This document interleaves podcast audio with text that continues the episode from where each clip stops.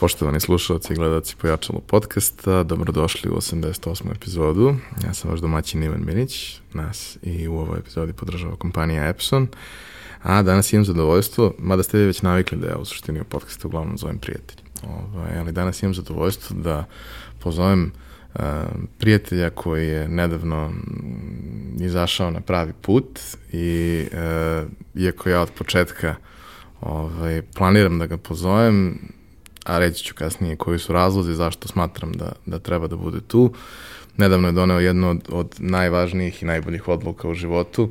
E, to ste možda isvrtili na, na društvenim mrežama i bilo je tu raznih nekih objava. Uglavnom, moj današnji gost, Marko Mudrinić, je ponosni vlasnik Oktavije.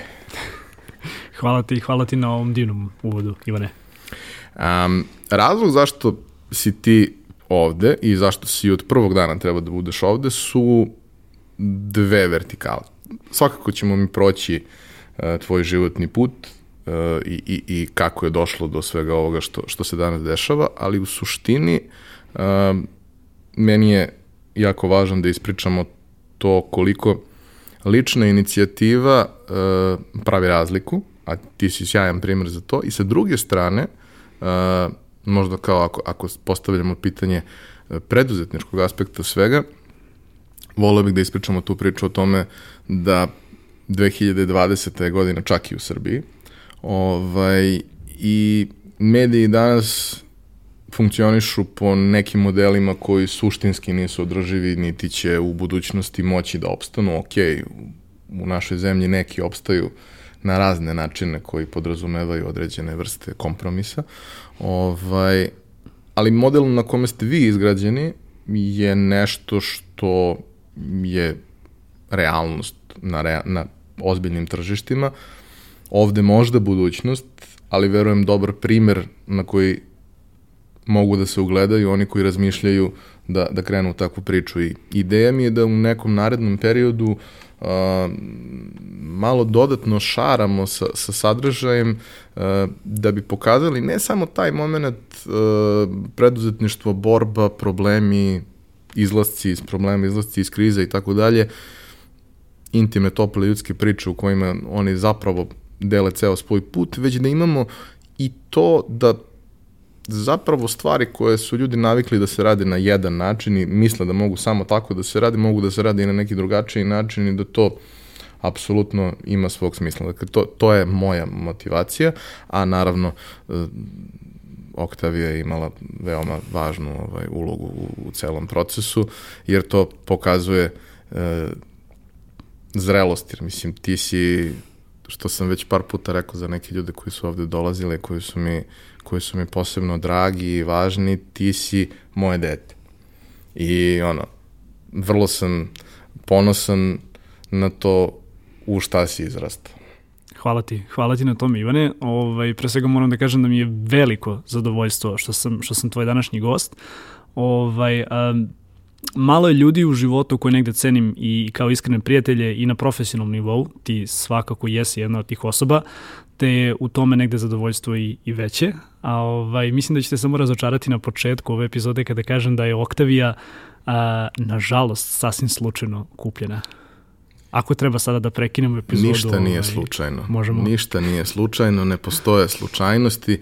Dakle, poznato je ko je analizirao sve je to, sve su to mračne sile, sve su to ljudi gušteri, u suštini ravna je zemlja, ali, ali odluka da se da. kupi Oktavija jednostavno ne može biti slučajna. Čak i ako je slučajna, nije važno, dobra je i to treba nagraditi. A, moram da te pitam ono što pitam manje više sve goste, jer to je negde, ako posmatramo ovaj razgovor kao put heroja, a ja zaista smatram da ste svi vi ovaj, neki moji heroja, verujem i, i, i možda mojim slušalcima, uh, sve to počinje sa, sa, sa vrlo čestim pitanjima, to je šta si teo da budeš kad porasteš. A, hvala ti. Hvala ti na tom pitanju. Ovaj, da kažem, pripremao sam se, se za ovo gostovanje, pa sam malo i razmišljao, ovaj, obzirom da, da slušam ovaj, dosta često pojačalo podcast i zapravo sam ovaj, oduševljen sa svim stvarima koje si uspeo da urediš u proteklih godinu i po dve dana, koliko, Tako. koliko li već. A, šta sam želeo da budem kada sam, kada sam bio mali? Pa a, dolazim iz učiteljsko-inženjerske porodice, što mnogi ljudi zapravo ne znaju i nekako mi je drago da, da ću tu priču ispričati danas. Moja pokojna baka je bila jedna od glavnih arhitekti na Beogradskom sajmu.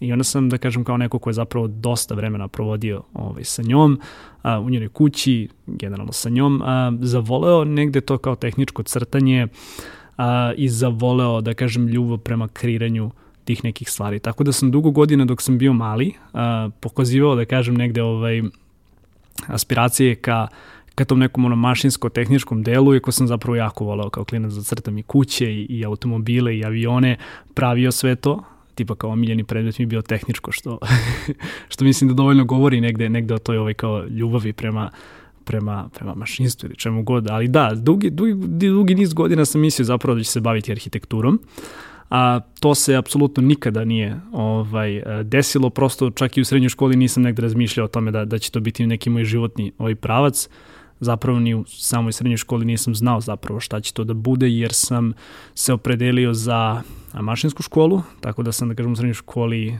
bio ovaj MTKK smer ili ti mašinski tehničar za kompjutersko konstruisanje.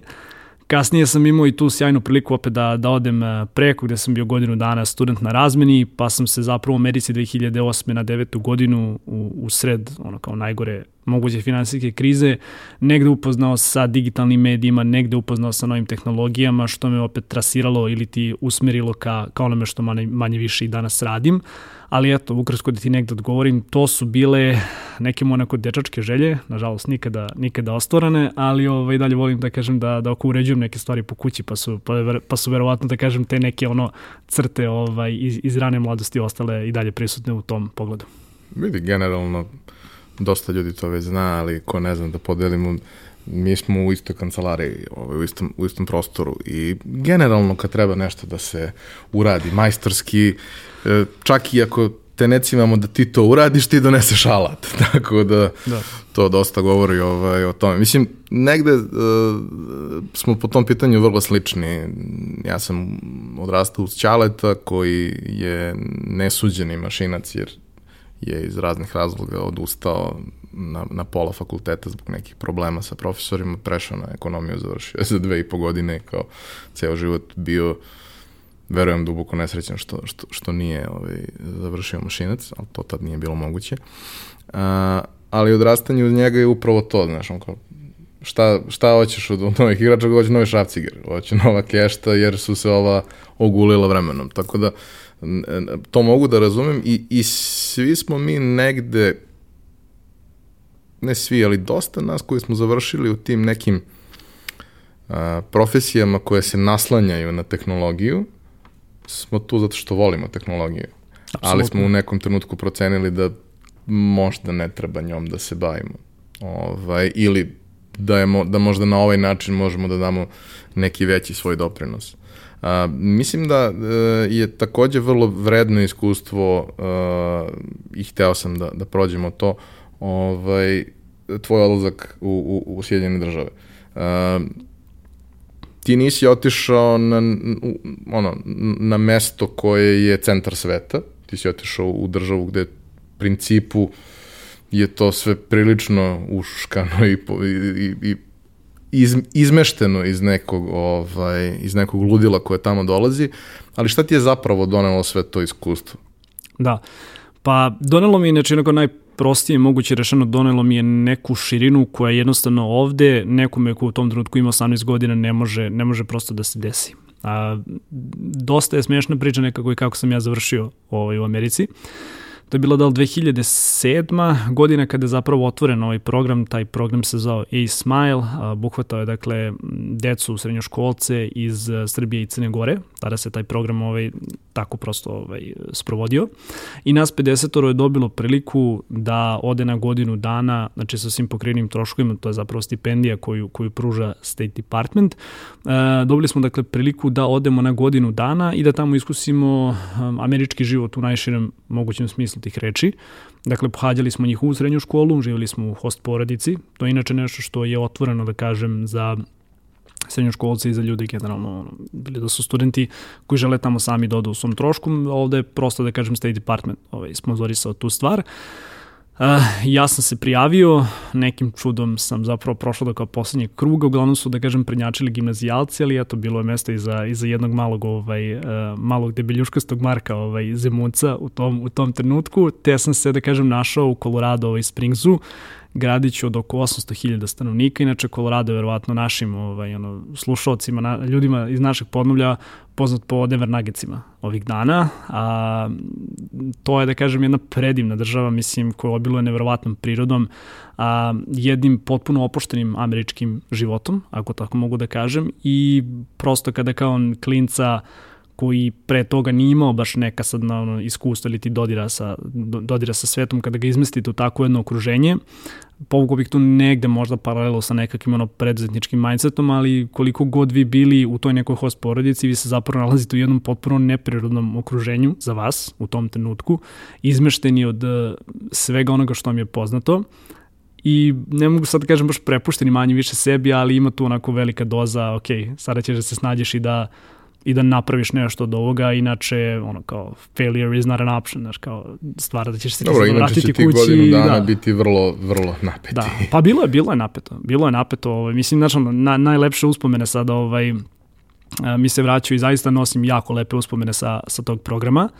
A, bilo je tu, da kažem, dosta nekih prilika koje sam uspeo da zgrabim, otuda pričat ćemo svakako o tome, ali otuda i ta neka moja ljubav ka ka medijima, jer sam imao priliku prosto da iz jednog okruženja gde kao studiraš, mislim zapravo u srednjoj školi si učiš tehničku školu, mašinsku školu, učiš neke stvari koje su ovde zacrtane nekakvim programom koji u tom trenutku je verovatno jedno 20 godina star, nije prilagođen nekim trenutnim potrebama i prebacuješ se gotovo preko leta, da ne kažem u istom trenutku, ovaj, preko noći, prebacuješ se u neko okruženje gde uh, prosto način na koji ti dolaziš do nekih novih saznanja, a, uključivanje tvoju u rad na nekim projektima, ti daje mnogo veću širinu i prosto ono, trasirate i daje ti taj neki put da možeš da se zanimaš za neke stvari i da ih isprobaš a, u okviru tog nekog, da kažem, nekonvencionalnog ove školovanja.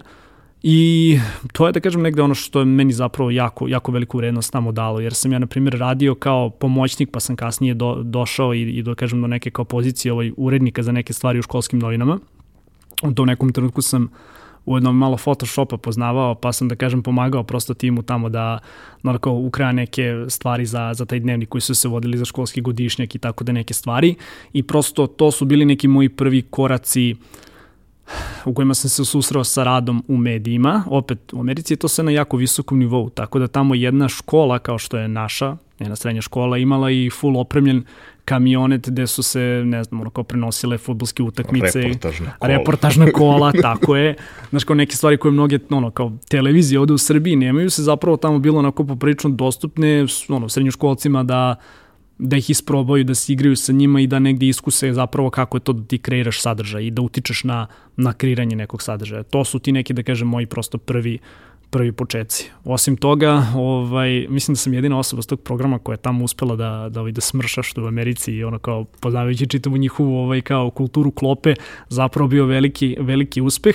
Ali da, opet, ponovit ću, dalo mi je tu jednu neverovatnu širinu uh, i otvorilo mi je poglede na, na ono, otvorilo mi je prosto neke poglede na to kako, kada sam se vratio, opet u jeku svetske ekonomske krize i svih nekih nemilih događaja, gde sam zapravo možda malo više krenuo da, da cenim a, prostor i kažem vreme u kome živim i društvo u kome živim, a to danas svakako ovaj radim. A jedan od momenta kada neko napravi tako značajnu odluku da ode, posebno ako ode negde malo dalje, jer mislim ako odeš u Budimpeštu, onda si na 3 sata od kuće, pa baš i nije ovaj, ne, neko poređenje. Ovaj, ti suštinski, da, u tom trenutku ve, već postoje mogućnost da se ti čuješ sa ljudima ovde, Skype-ovi i sve ostalo, ali nije to isto. Izgubiš neki kontakt, izgubiš relacije. U suštini, kako ja to negde vidim, iako nisam imao takav, takav slučaj lično, ali znam dosta ljudi koji jesu, pa smo pričali o tome, uh, ti propustiš godinu dana nečijeg života, ljudi koji su ti bili veoma važni, čak i ako se čujete, to nije to. Uh, kako je taj deo funkcionisao? Koliko si uopšte bio u kontaktu sa ljudima i kako je to izgledalo onog trenutka, jer tvoja priča je, kažemo, vremenski oročena na taj period od, od godinu dana i ti znaš da ćeš se vratiti sve vreme, znaš, nije to sad varijanta, možeš i da ostaneš tamo beskonačno.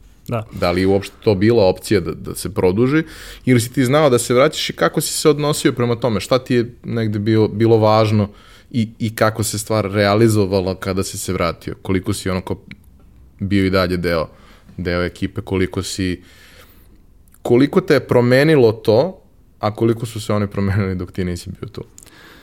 Pa da, ovaj, fantastično pitanje. Um, pazi, 2008. godina na deveto, znači 2008. deveto, pošto je kao program koji traje ono, godinu dana, a, dakle, godina je 2008. na, na 2009.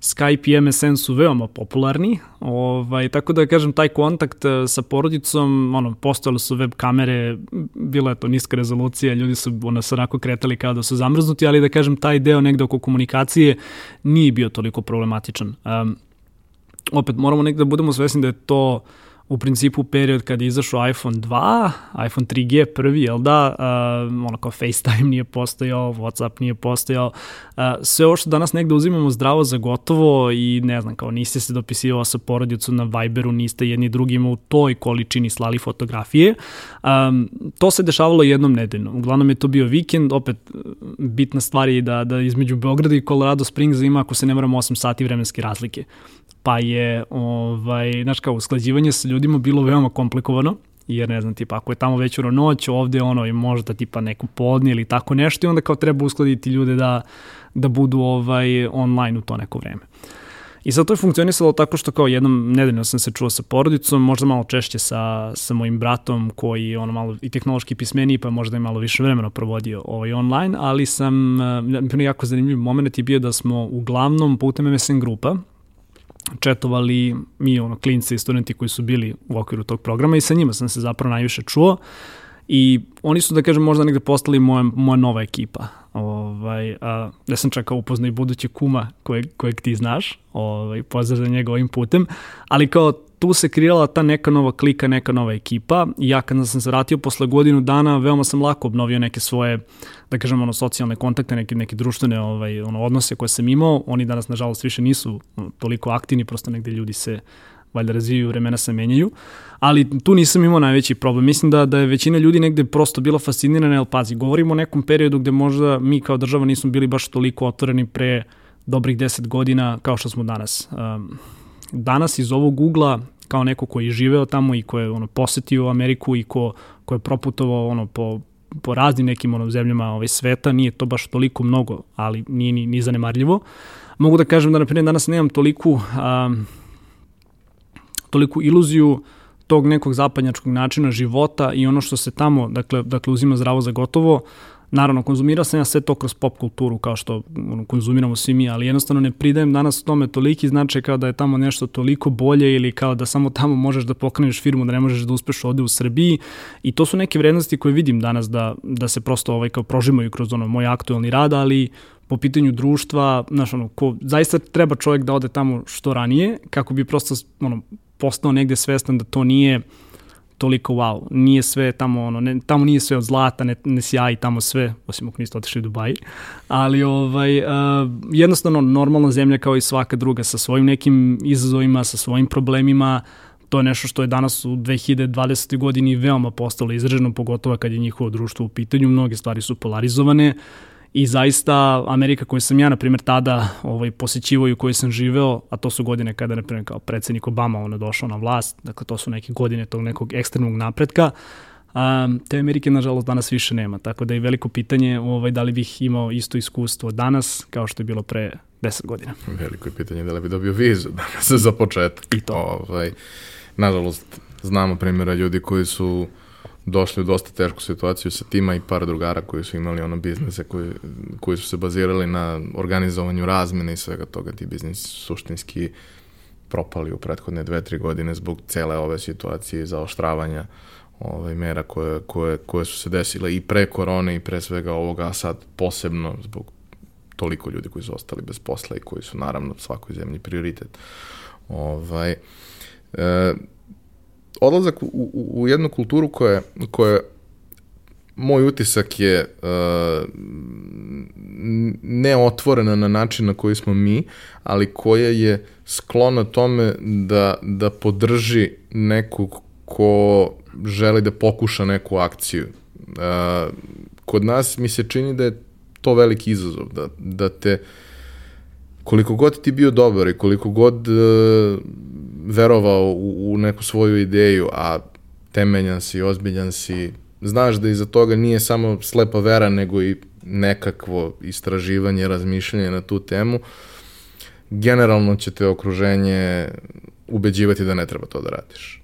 Tamo ćete u principu, bar je moje iskustvo sa raznim saveznim državama, jer generalno svaka savezna država je država za sebe i potpuno je drugačije sve, uh, nekako stičem utisak da, da su oni mnogo otvoreni u tom smislu i da će mnogo radije podržati neku inicijativu, jer mi se čini da je to nešto na, čime to, na čemu je to društvo izgrađeno.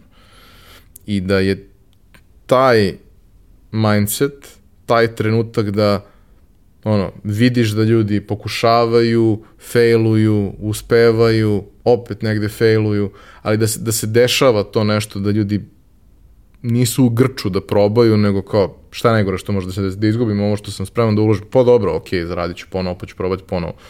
Da, da to negde može dosta da, da, da napravi ljudima shift u glavi. Meni je to u negde sličnom periodu, iako sam imao više godina, ali vremenski u sličnom periodu, tamo 2006. 7. 8. kada sam dosta radio sam rekao, meni je to mnogo značilo, što sam shvatio da kao uh, ljudi koji ulaze u neke priče sa poslom, nisu uh, ljudi koji imaju ono ogromnu glavu i četiri puta veći mozak od mene i IQ koji je 400 plus, nego su to neki sasvim obični ljudi koji samo možda nemaju taj grč koji svi mi imamo zbog činjenice da smo odrasli u, u, u okruženju u kome je konstantno bilo krizno i konstantno nije bilo previše prostora za da se čovek malo opusti, da malo uh, prodiše i da malo razmisliš šta će sa sobom. Konstantno pokušavaš da zadržiš nešto iako se svet oko tebe suštinski umeđu vremenu dosta, dosta promenio. Koliko je bilo kod tebe tih stvari, koliko ti je donelo to promenu mindseta. Ok, imao si priliku da probaš nešto, imao si mogućnosti zapravo i, i priliku, ali kao koliko si ti kada si se vratio uh, bio spremniji na neku akciju, na nešto konkretno? Koliko si imao jasniju viziju šta hoćeš i kako hoćeš? Da. Pa, pokušam sad da se setim, a, mislim kao Amerika je u tome zapravo veoma fascinantna, zašto tamo čak i najobičniji ljudi imaju, da kažem, negde ono kao podršku društva da, da probaju nešto i da na kraju dana čak i ako failuju da je to potpuno ok. Mi ovde u Srbiji, na Balkanu, ne bih rekao da je to stvar koja se vezuje samo za Srbiju, to je onako veoma izražena balkanska, balkanska stvar. Mi se ovde bojimo neuspeha. Mi se ovde, mislim, i verovatno je ovo neka priča koja možda malo čak i kliše danas ovde se govori u podcastima, ali ne treba se bojati tih stvari, kao šta najgore što može da se desi. Izgubit ću dve godine svog života probajući da napravim nešto što me toliko vozi, što me toliko ovaj, postiče da kreiram nešto novo. Ja lično kada sam se vratio, imao sam kao da odradim još jednu ove godinu ove srednje škole, a u tom trenutku sam već negde postao svestan da kao to iskustvo koje sam dobio tamo, da me u potpunosti transformisalo i da ne mogu ja tek tako da sedim u nekoj klupi, u nekoj mašinskoj školi i da slušam neki program, pokušavajući da kreiram čak i da neke kompjuterske modele na računarima koji u tom trenutku apsolutno nisu odgovarajući za ono što se koristi u svetu. Izgura sam ja tih godinu dana i negde sam imao tu ludu ideju zapravo da želim da radim u medijima. Ove, ovaj, kao s mamine strane, ono, svi su manje više bili profesori, učitelji, s ćaletove, ono, inženjeri, i kao, sine, čime želiš da se baviš, šta je to što te ovaj, motiviše? Novinarstvo. Mislim da su ljudi kao svi ono uhvatili za glavu. Kao otkud sad novinarstvo, kao čemu to? Reku, mene jednostavno koja zanima, ovaj, ono, da ne kažem to neko istraživanje istine, zanima me da budem, ovaj, ono, da se moj glas negde čuje. To je taj neki, da kažem, ono, kao neka stvar koju sam u Americi ovaj, shvatio da je potpuno okej okay da imaš mišljenje i da možeš da ga, da ga kažeš ali uvek sam se, mislim, naši sam ovde po kancelariji volao da se, da se pravim pametan. I ovo imam, imam i duga, duga, dugačak jezik, tako da kao ne stidim se da... Imaš sve predispozicije da budeš novinar u suštini. Tako je, da. I ovo sam kao, ajde da probamo, znaš, kao da vidimo šta možemo da uradimo. Ovaj, a, bila je ta neka ideja da se, da se upiše FPN, na kraju se od toga odustalo. Ovaj, mnogi ljudi zapravo ne znaju, mislim, kao redko ko me i pita, ali ja sam studirao ovaj, prijatan fakultet da ga ne imenujem sad ovde, ali kao studirao sam prijatan fakultet i kao nemam problem to da kažem. Ali si studirao novinarstvo? Studirao sam novinarstvo, da. Ostao mi kao jedan ispit čak i da, da diplomiram, što je ono, mislim, mislim da je gomila ljudi kao šta, kao nije diplomirao, da, mislim, u tom smislu ko mogu čak i da kažem da sam neka ono klasična starta priča, a bez da sam krenuo iz garaže. College da, dropout. Da, totalno, s jednim ispitom do kraja. Ali ovaj, sve te neke stvari su me, znaš, ono, prosto vozile i kao terala, ajde da probam nešto, da, da vidim kako i šta. A na tom fakultetu je bilo super, jer kao tih godina makar, što si stvarno imao kao fantastičan izbor nekih profesora koji su bili redovni profesori na državnim nekim fakultetima i što su oni kao bili spremni da ono, ne znam, od generacije od 400 ljudi gde će 350 da budu neki koji će da ono se pojavljuju iz kafića i da dobiju šestice, s 50 ljudi ćeš zapravo kao moći da radiš i ti ljudi će danas ono, sutra da postignu nešto. I ima ta neka mala grupa ljudi, ta neka nova klika opet u kojoj sam ono ja upao i, i s kojim sam danas veoma blizak, koji su nešto napravili na, na tržištu medija, na tržištu marketinga ili, ili dalje to nešto pokušavaju. Ja sam možda malo glupo to reći, ali ja sam možda negde prvi za vreme fakulteta još onako isticao kao neko ko zaista želi da se cima za neke stvari, ta neka moja lična inicijativa.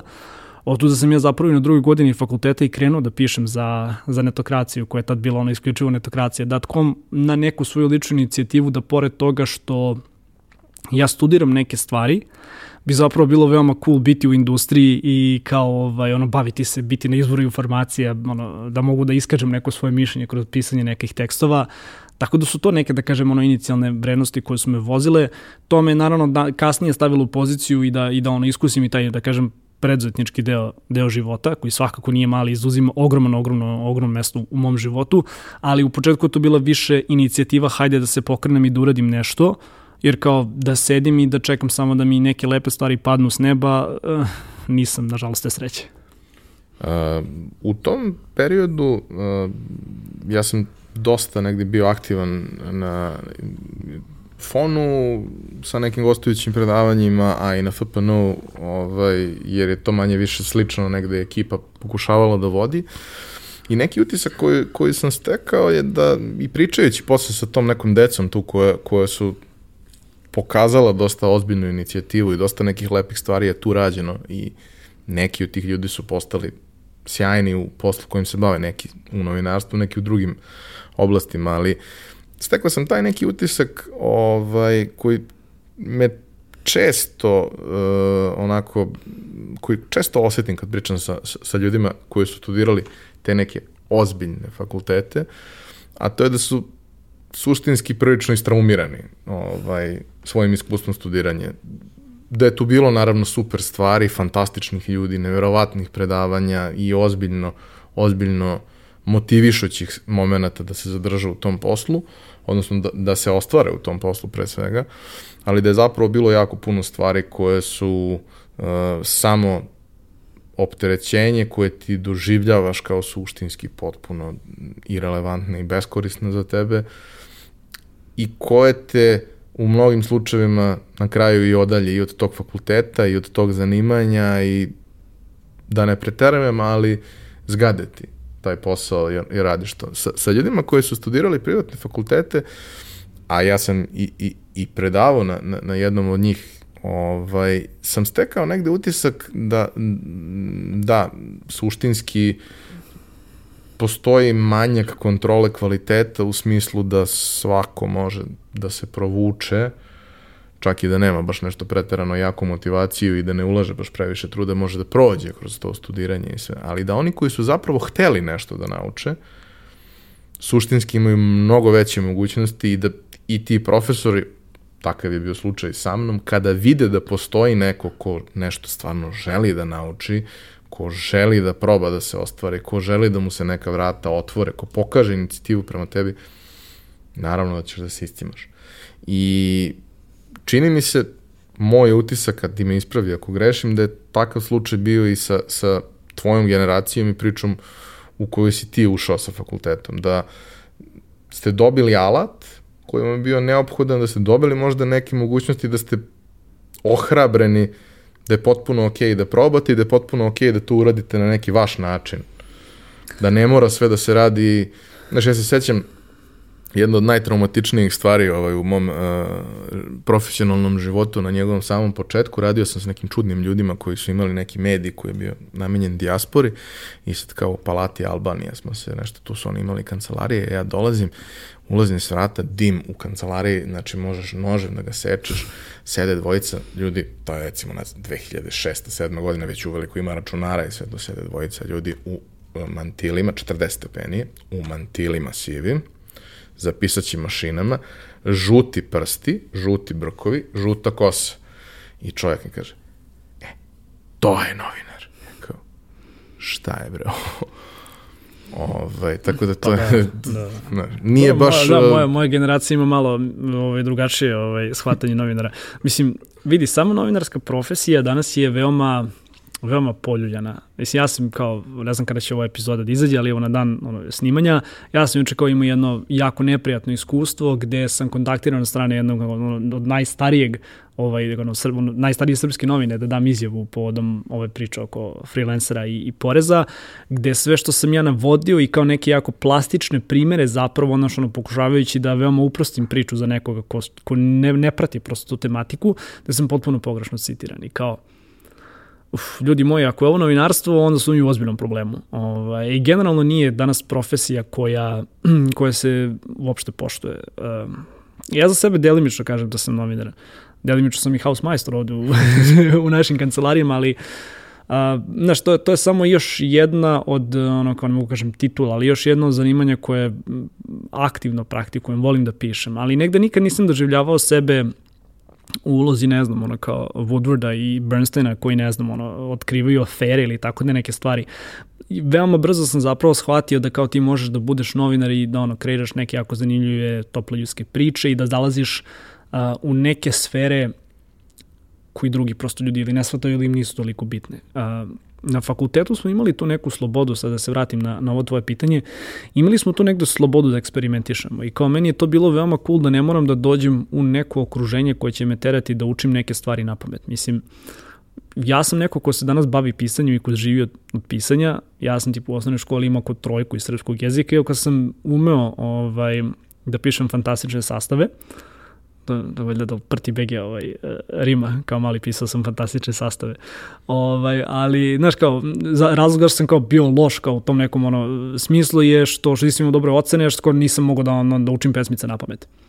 I taj neki ono model edukacije gde ti učiš ono, zapravo nekoga da mora nešto da bifla na pamet da bi to onda došlo izrecitovao, ja to nikada nisam kapirao. I opet kasnije, ono, čitajući malo više o edukaciji i gledajući ono legendarno predavanje sada već pokojnog ovaj, uh, Ken profesor Robinson. Kevina Robinsona. Ken ovaj, tako je, da.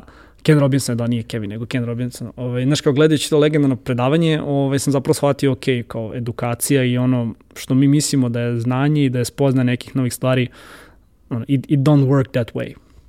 Um, ja sam negdje u startu na fakultetu rekao, dobro, znaš šta, predmeti koji me zanimaju ima da učim i da ono kao dobijam dobre ocene, ovo što me ne zanima, daj, piši šest i to je to. Znaš, kao naučit ću minimum da mogu da prođem. A, fakultet u mojoj porodici jeste kao bitna stvar, a, ali za mene lično nije. I, znaš, isto tako smatram i poklonik sam te teorije da kao treba da upišeš fakultet ukoliko zaista ne znaš u životu šta želiš da radiš, kako bi imao još tih par nekih godina da stekneš neku širinu i da stekneš neke poglede. To je ono što je meni fakultet prevashodno ovaj, omogućio, to i kontakt sa nekim ljudima a, da me sada naučio nekakvim konkretnim stvarima u oblasti u kojoj sam krenuo da radim i da i ne. A, novinarstvo nije kardiovaskularna hirurgija, ti novinarstvo možeš da se baviš i ako završiš kurs za to. I bez kursa. I bez kursa. A, novinarstvo je u većini slučajeva zapravo njuh koji ti imaš i strast koju gajiš prema nekoj priči. A, novinarstvo u većini slučajeva nije od 9 do 5 a, posao već nešto što ti prosto živiš, makar ga ja tako doživljavam u, u, u delu industrije ovaj, koju se bavim, ali i te neke priče uh, u najranijim ono, kao fazama pokretanja nekog srpskog startup ekosistema, znaš da budeš nizur informacije, da zapravo budeš okružen ljudima koji su u tom trenutku veoma inspirativni i koji su ono, potpuni odmetnici društva koji napuštaju posao nekim velikim firmama i koji ono, kreiraju nekakve nove proizvode. To je ono što je mene ovaj, uvuklo u ovu priču, još kažem ti na samom fakultetu, a i fakultet je negde tu bio potpuno ok sa tim, aha, kao imamo, imamo jednu osobu koja ovde kao ono, ušla u neku priču, radi već nešto, možda ne moramo da ga, da ga teramo da dolazi na sva predavanja, možda će to nešto što će biti na terenu ovaj, mu više značiti i više benefita nekakvih doneti, kao, pustimo ga. Ovaj, to je ono što je mene, da kažem, u mom slučaju zašto mi je prijatan fakultet odgovarao. Ali isto tako mislim da je i ta priča ovaj, potpuno besmislena koji fakultet je bolji. Znaš, neko ko zaista želi da se bavi ono akademijom, ja mislim da se možda čak i neće baviti u Srbiji tim stvarima, iako mi imamo vrhunske i programe i profesore, mislim da prosto da bi došao na neki viši nivo moraš da ideš na mnogo razvijenije tržište u svakom smislu, što je industrijski, što akademski. A i vrlo često danas imaš tu mogućnost. Znaš, pre da, 20 da. godina je to možda bilo mnogo teže, ali sada suštinski ako si zaista dobar u nečemu i kreneš dobro, ti apsolutno možeš da pređeš tokom studija na neki od relevantnih fakulteta u svetu i da tamo uz neku stipendiju vrlo često i bez posebnih troškova završiš to ipak na mestu koje je na izvoru informacije. Tako je. Um, inicijativa koju si ti tada pokazao je učinila da ti i ja primetim. Ja sam sa danas tvojim partnerima u firmi i nekoliko godina pre toga svega krenuo u, u, u neku vrstu saradnje, jer u tom trenutku srž, suštinski u Srbiji nije postojao medij koji se bavio time. Mi smo imali uh, računarske medije, ali to nisu bili IT mediji, to su bili ljudi koji su se ono od 80-ih preko 90-ih, pa neki do danas, bavili recenzijama hardvera u pisanom obliku koje danas više, verujem, apsolutno niko ne čita. I tu i tamo pisanjem nekih vesti sa globala koje 96. jesu bile vrlo interesantne, jer ti baš i nisi imao načina da dođeš do njih tako lako, danas kada ta novina izađe, to je vest koja je bajata dve, tri, četiri nedelje, samim tim je suštinski nebitna. Taj deo scene koji se tada formirao, zato nije postojao medij, ali netokracija koja je u Hrvatskoj postojala i pre toga, iako je suštinski u startu to bio blog, a ne nekakav ozbiljan medij, tada je krenula da se, da se lagano širi, da raste, da, da svoj sadržaj a, proširuje i uzbiljuje na neki način. I ja se sećam trenutka kada mi je rečeno ima tu jedan ovaj mali, hoće nešto da proba, šta, ne znam šta ćemo baš sa njim, ali ajde, mislim, znaš, kao kad dođe i pokaže inicijativu da želi da uđe u priču, ovaj, kao što da mu ne daš priliku ako već hoće da, da pokrije nešto što ti suštinski, jer si geografski izmešten ako ništa drugo ne možeš da uradiš.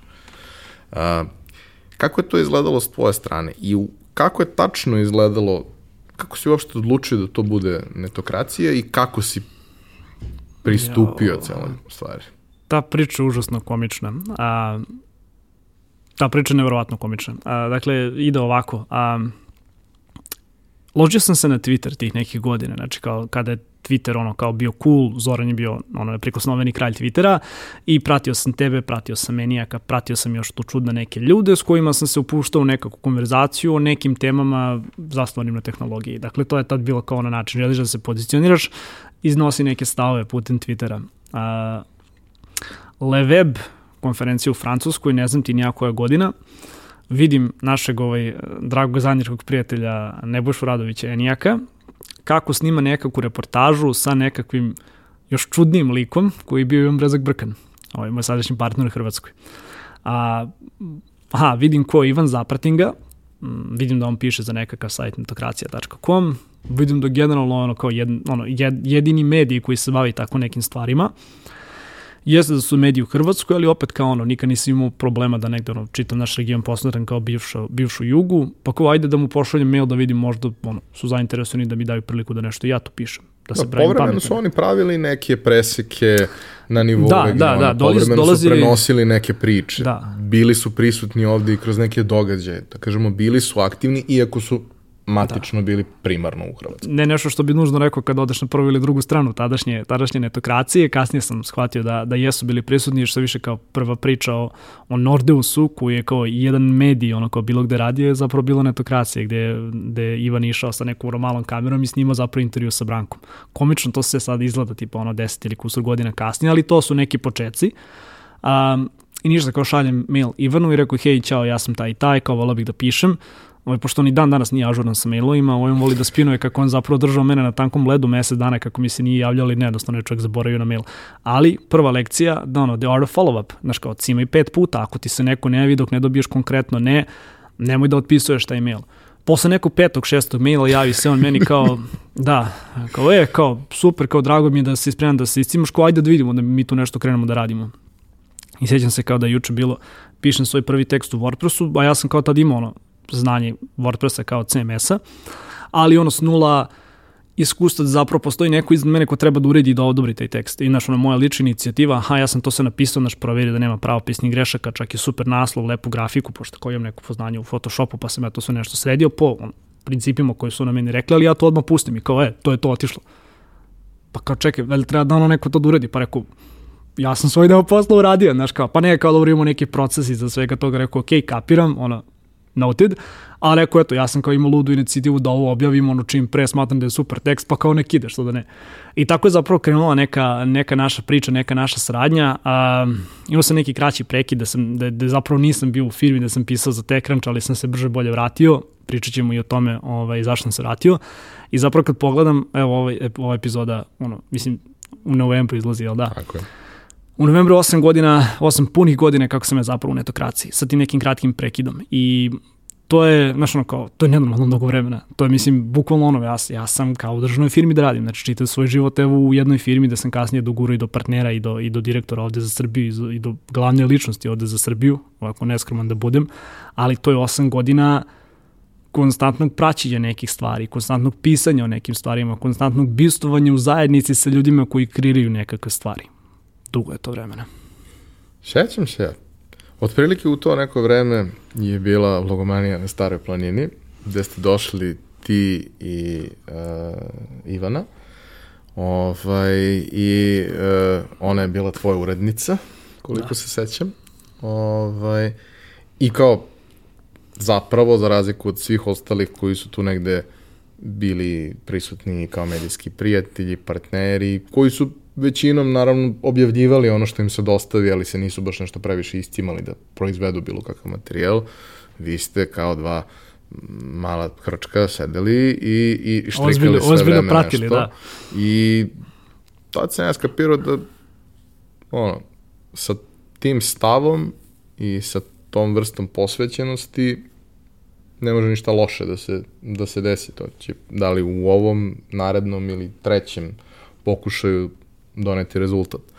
Ovaj, e sad, uh, to je dakle učinilo da netokracija bude svakako više prisutna ovde. Ali ti si i dalje bio nekakav spoljni saradnik koji je povremeno uskakao, radio neke priče.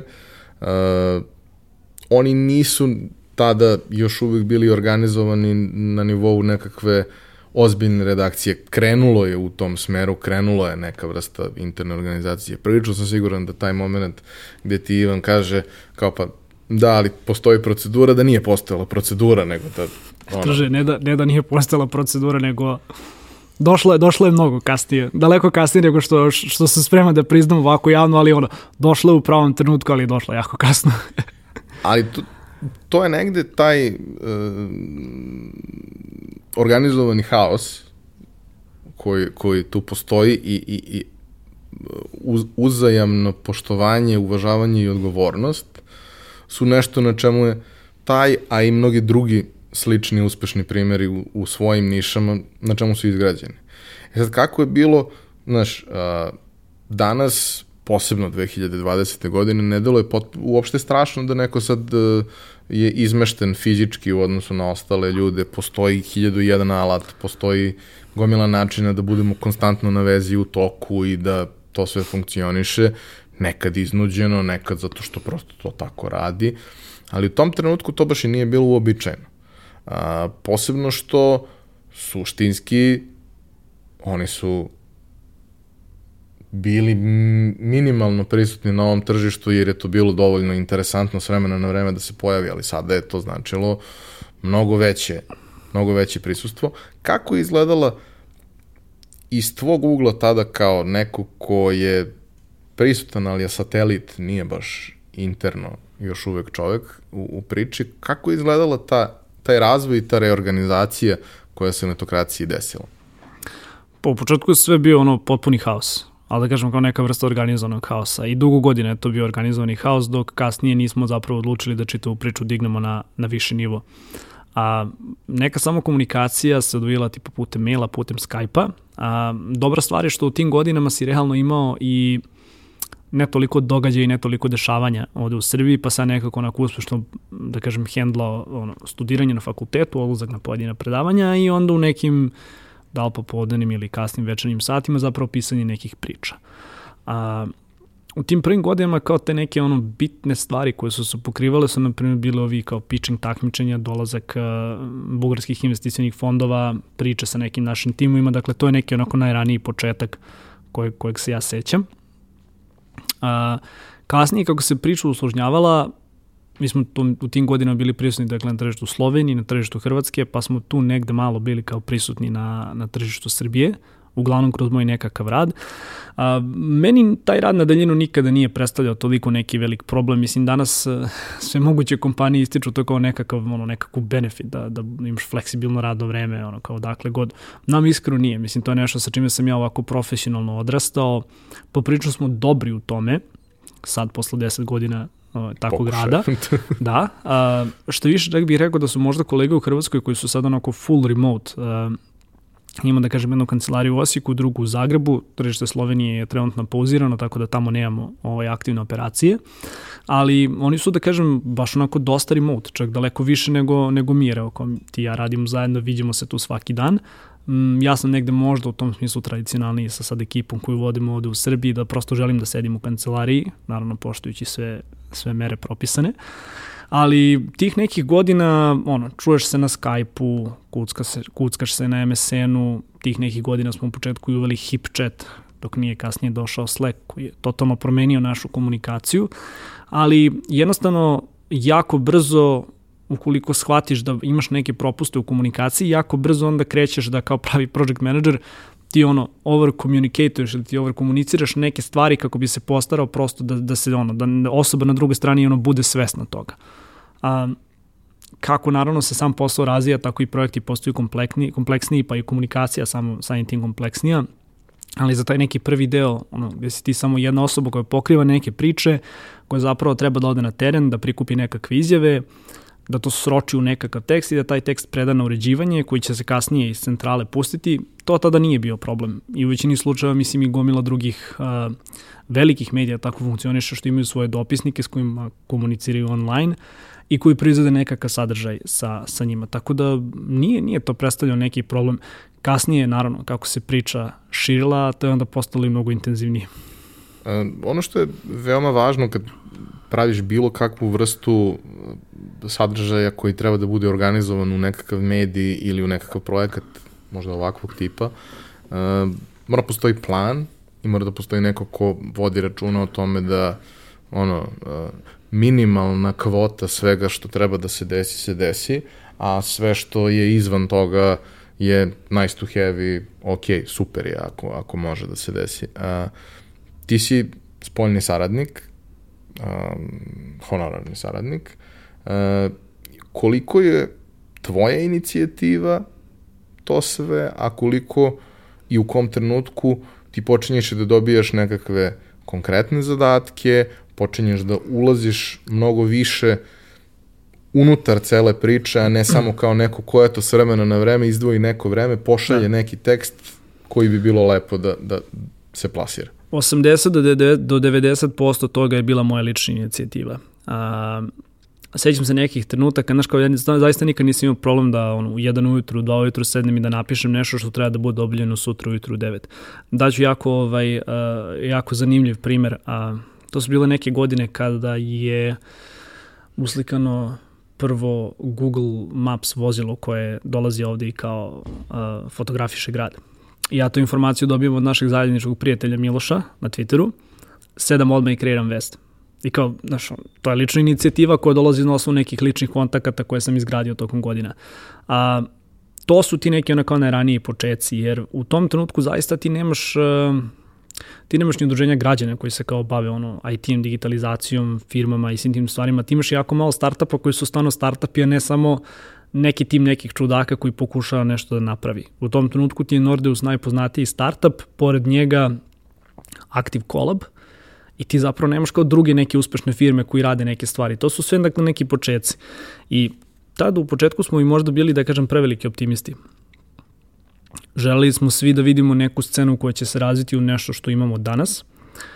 Danas smo daleko više kritični, daleko više analitički nekim moj razmišljenjem pristupamo sadržaju, um, ali u startu nije to bilo ispunjavanje nekakvih kvota.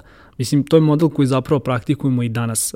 S jedne strane, igramo se tu negde non stop sa ti nekim kraćim formatima i vestima, ali ono po čemu netokracija je danas najpoznatija u Srbiji, pa evo i u Hrvatskoj i u regionu, jesu te velike analitičke priče koje zaista ti ne možeš da uradiš danas za danas, jer uglavnom čekaš nekoliko sagovornika, uglavnom je taj takav tekst e, prožet e, tvojim nekim razmišljenjima, tvojim nekim komentarima kao autorima, e, kao autora. I to je zapravo, da kažem, i sadržaj prema ono, pomoću kog i zbog kojeg smo mi postali negde prepoznatljivi. Jer si uvijek imao taj neki ono izražen novinarski stil, ali si isto tako imao i tekst koji je ovako autorsko delo u smislu da si, da si se graničio sa tim da, da li si magazin ili si, ili si blog. Tako da eto, u principu to je to. Čini mi se da cela priča koja je kasnije došla i na tržište Srbije izvanično kroz uh, izdvojen potpuno sajt koji se primarno bavi ovim tržištem, čini se da je to na neki način model koji je razvijan dugo tamo, dok nije uobličen u nešto što ima smisla, a zatim primenjen ovde, ali uz mnogo adaptacija toga tržištu koje je svakako drugačije. Ali upravo zato te pitam, uh, u kom trenutku se i oni organizuju malo ozbiljnije oko svega toga, da to više ne bude samo ad hoc, nego da postoji nekakav dugoročni plan, da postoji vrlo jasan roadmap za stvari, da, da se zna šta se radi u nekom narednom periodu i u kom trenutku tebe kao nekog eksternog momka uključuju i u planiranje i u realizaciju toga svega. Kada da. je počela priča sa netokracije Srbijom, ti si i dalje imao jako puno obaveza koje su se ticale matične firme, tržišta gde prosto mala je firma, ne postoji osoba koja se bavi zadatkom X, to je svako od vas da. u različitom trenutku vremena. Pa pazi, ovaj, sad sad, sad me vraćaš baš onako u, u neke ono, da neko davne uspomene, ali ovo 2020. godine kao da traje već tri godine. Um, 2015. smo lansirali netokracija.rs. Tada smo u timu bili ovaj, na, moj dobri kolega Marko Crnjanski i, i ja. Um, on je krenuo valjda da od 2013. ili 14. godine da piše. Dakle, u tom trenutku smo već ono kao imali dve osobe koje se time bave i rešili smo kao, ok, ono, sad ili nikad. Uh, mislim, ja sad kad gledam ono iz, iz ovog ugla, uh, dosta je, znaš kao, nije postojala nekakva roadmapa osim toga da kao, hej, Mudrinj želi više da se ono aktivira, hajde da mu napravimo ono sajt da, da dete može da, da se bavi pisanjem. Ali to, znaš, ono, stvarno bez ikakvih velikih i nekakvih pretencijoznih planova smo krenuli u to. Više negde onako kao sobstvenom inicijativom i tom nekom ludom željom da nešto napravimo, nego s nekakvim konkretnim planom. Možda će slušalcima ili gledalcima to zvučati jako čudno, jer u većini slučajeva izgledamo veoma profesionalno, ali za neke stvari prosto ne možeš, ono, kreneš zagrizeš i kreneš u to zato što te to vozi i onda se nadaš da će uz svoj, ono, uz kompletno tvoj mukotrpni rad nešto od toga da bude. I to je bilo, da kažem, inicijativa da se pokrene etokracija.rs. Danas, 2020. godine, je već nekih dve i po, tri godine, je to jedna veoma, veoma, veoma ozbiljna priča, gde taj neki inicijalni entuzijazam je možda malo i ponestao, jer se, ono, moraš da posluješ na tržištu kao nezavistan medij koji je tako kako jeste, a, moraš da ostaneš neprikosnoven u tim nekim stvarima koje si praktikovao i koje praktikuješ od prvog dana, treba da isplatiš plate ljudima i treba da imaš nekakav poslovni model koji će ti omogućiti da da ostaneš nezavistan i da se ne prikloniš ni jednima ni drugima, da se tako izrazim. I sve to, ono, sve to je došlo kao rezultat pokušaja. Bilo je tu manjih failova, bilo je tu većih failova. Ne mogu da kažem da u trenutku kada smo startovali netokracija.rs da smo imali sa neki ono petogodišnji plan šta želimo da izgradimo od ovoga. Što više, mnoge prakse uh, koje smo ono, kao grupa to zvuči jako smešno, ali koje smo kao grupa zapravo i u Hrvatskoj i u Srbiji primenjivali, jesu neke prakse koje sam ja možda lično kao ovako na inicijativu, na inicijativu probao da poguram. A, naravno, neke dobre prakse smo i u Dande usvojili, neke loše, loše prakse koje smo jedni i drugi videli smo kasnije naravno prekinuli da, da, ovaj, da, da koristimo, ali to ti je neki ono kao životni vek i razvoj. Neko ko ima daleko više iskustva u ono kao poslovanju i u pokretanju nekakvih digitalnih projekata, verovatno na početku ima dovoljno ono, ima dovoljno znanja kako da prebolite neke dečije bolesti. Ja nisam neko ko je nužno učio na tuđim iskustvima, uglavnom sam učio na sostarim nekim ono failovima, ali sam se trudio da iz svakog ono izvučem maksimum koliko u tom trenutku mogu. I opet kažem, osam godina kasnije, tu smo gde jesmo. Um, možda će zvučati malo i pretencijozno, ali zaista mislim da smo jedini um, reputabilan poslovno-tehnološki mediji, ali ujedno tako i jedini poslovni tehnološki medij, jer ti nemaš ovde kao neku preterano veliku konkurenciju ljudima za koji, sa kojima se takmičiš, jer u ovom poslu nema baš toliko mnogo para, a, a i da kažem, ono, moraš konstantno da se negde svađaš sa ljudima, jer se gomila, gomila ljudi ne slaže prosto sa tvojim nekim viđenjem ono, nekih stvari, ili opet to nisu samo nekakvi tekstovi gde ti prenosiš neke informacije, već imaš jako puno nekog ono autorskog upliva. I to je ono što je netokracija danas. Mislim, da, da me sad pitaš za tačnu neku definiciju, uh, to bi moralo da zvuči tipa poslovno-tehnološki mediji koji se specializuju za kreiranje sadržaja koji se bavi poslovno-tehnološkim temama, ali ono, mi smo mnogo više od toga. U trenutku kada je doneta odluka da se pravi netokracija Srbije, a, ti si već, da kažemo, deo firme neko vreme i u trenutku kada to kreće, deo obaveza koje, koje, koje si imao ti je samo dodat time što sad treba da proizvodiš dodatni sadržaj ti i, i Crnjanski kasnije i ostale koji su se priključili za, to, za tu celu priču, ali ti ostaješ deo integralnog tima i imaš svoje obaveze koje se ne odnose na, na ovo ovde toliko.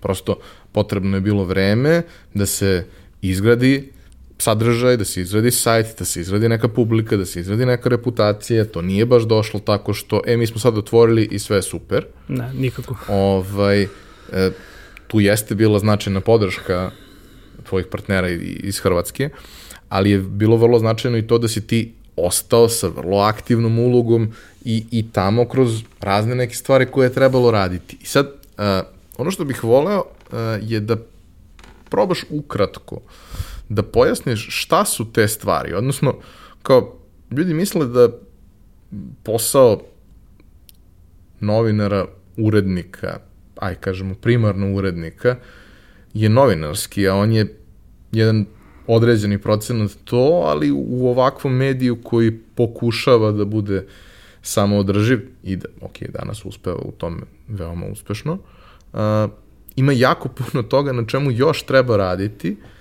delom i na edukaciji potencijalnih partnera publike, delom i na pa samo i pripremi ponuda i, i, i pravljenju ovaj, koncepata ponude, pa je to već ozbiljan i veliki posao. Šta ste vi sve tada radili i koliko ti je to značilo da bi napravio biznis model koji kasnije možeš da usavršavaš, ali no. koji u osnovi može da bude održiv na, na tržištu kao što je naše? Pa značilo mi je nevrovatno mnogo, jer ja tehnički nisam samo novinar. Ja sam sa svim svojim nekim veštinama, pa i sa, i sa majstorskim veštinama, zapravo jack of all trades, master of none. A, jer ja imam usku specializaciju za jednu stvar, već samo postoji niz nekih stvari koji radim, makar mislim da radim zadovoljavajuće dobro ili, ili u nekim stvarima i kao potpuno. Okay. A, znaš kako, organizovali smo konferencije, tako da sam kao malo imao upliva i u event, u event management koji je neverovatno stresan i kao čak sam negde zahvalan što je kao 2020. godine i što kao ove godine ne moramo da radimo fizičke događaje, ali imao sam tu upliva, pa sam onda imao malo upliva sa produkcijom. Evo sada i mi imamo podcast, pa se da kažem bavim i tim nekim stvarima. A, u početku sam kao morao da idem na sastanke gde sam čutao i slušao, što putem Skype-a, što uživo kada odem u Zagreb, gde sam zapravo gledao moje partnere kako se oni obraćaju klijentima, kako komuniciraju sa njima, kako ostvaraju te nekakve kontakte. Uh, jer ovaj posao se 99% vremena zasniva na ljudskim odnosima i na kontaktu koji ti imaš sa ili sa ljudima sa kojima radiš priču ili sa partnerima sa kojima kreiraš nekakav sadržaj, na primjer. Um, opet, ekstrovert sam, tako da mi ti ljudski odnosi nikada nisu predstavljali problem, što je super, ono, po, po mog današnjeg poslodavca i po firmu koju danas vodim.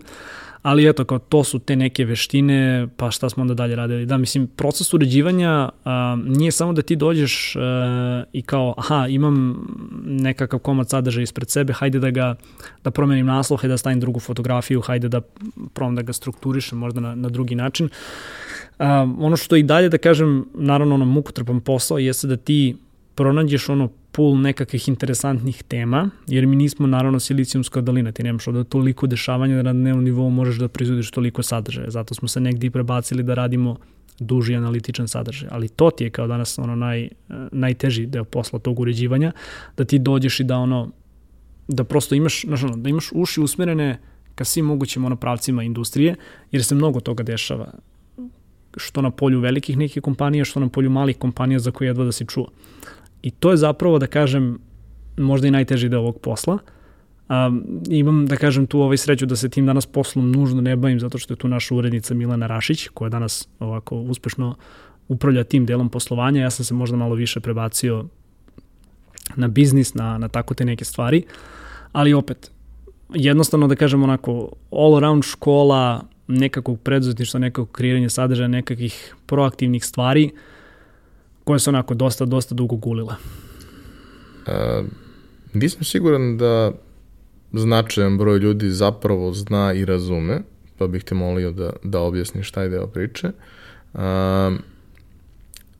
kako funkcioniše biznis model netokracije, odnosno uh, i kako funkcioniše danas da dođeš do toga, ali od čega je krenuo i u kom smeru se razvijao. Zato što uh, za većinu ljudi koji razmišljaju o svemu tome, uh, jedini način na koji jedan medij može da, da opstane su prodaje oglasnog prostora, baneri i sve ostalo, što je veoma nezahvalno tržište na kome se boriš sa ljudima koji imaju neograničene količine pregleda koji možda ne vrede ništa, ali nekom tamo ko, ko odlučuje šta će kupiti, te neke brojke znače da opravda to što je uradio. To je tržište na kome se baš i nema nekog naročitog smisla previše boriti. No. Ali ne mora samo tako.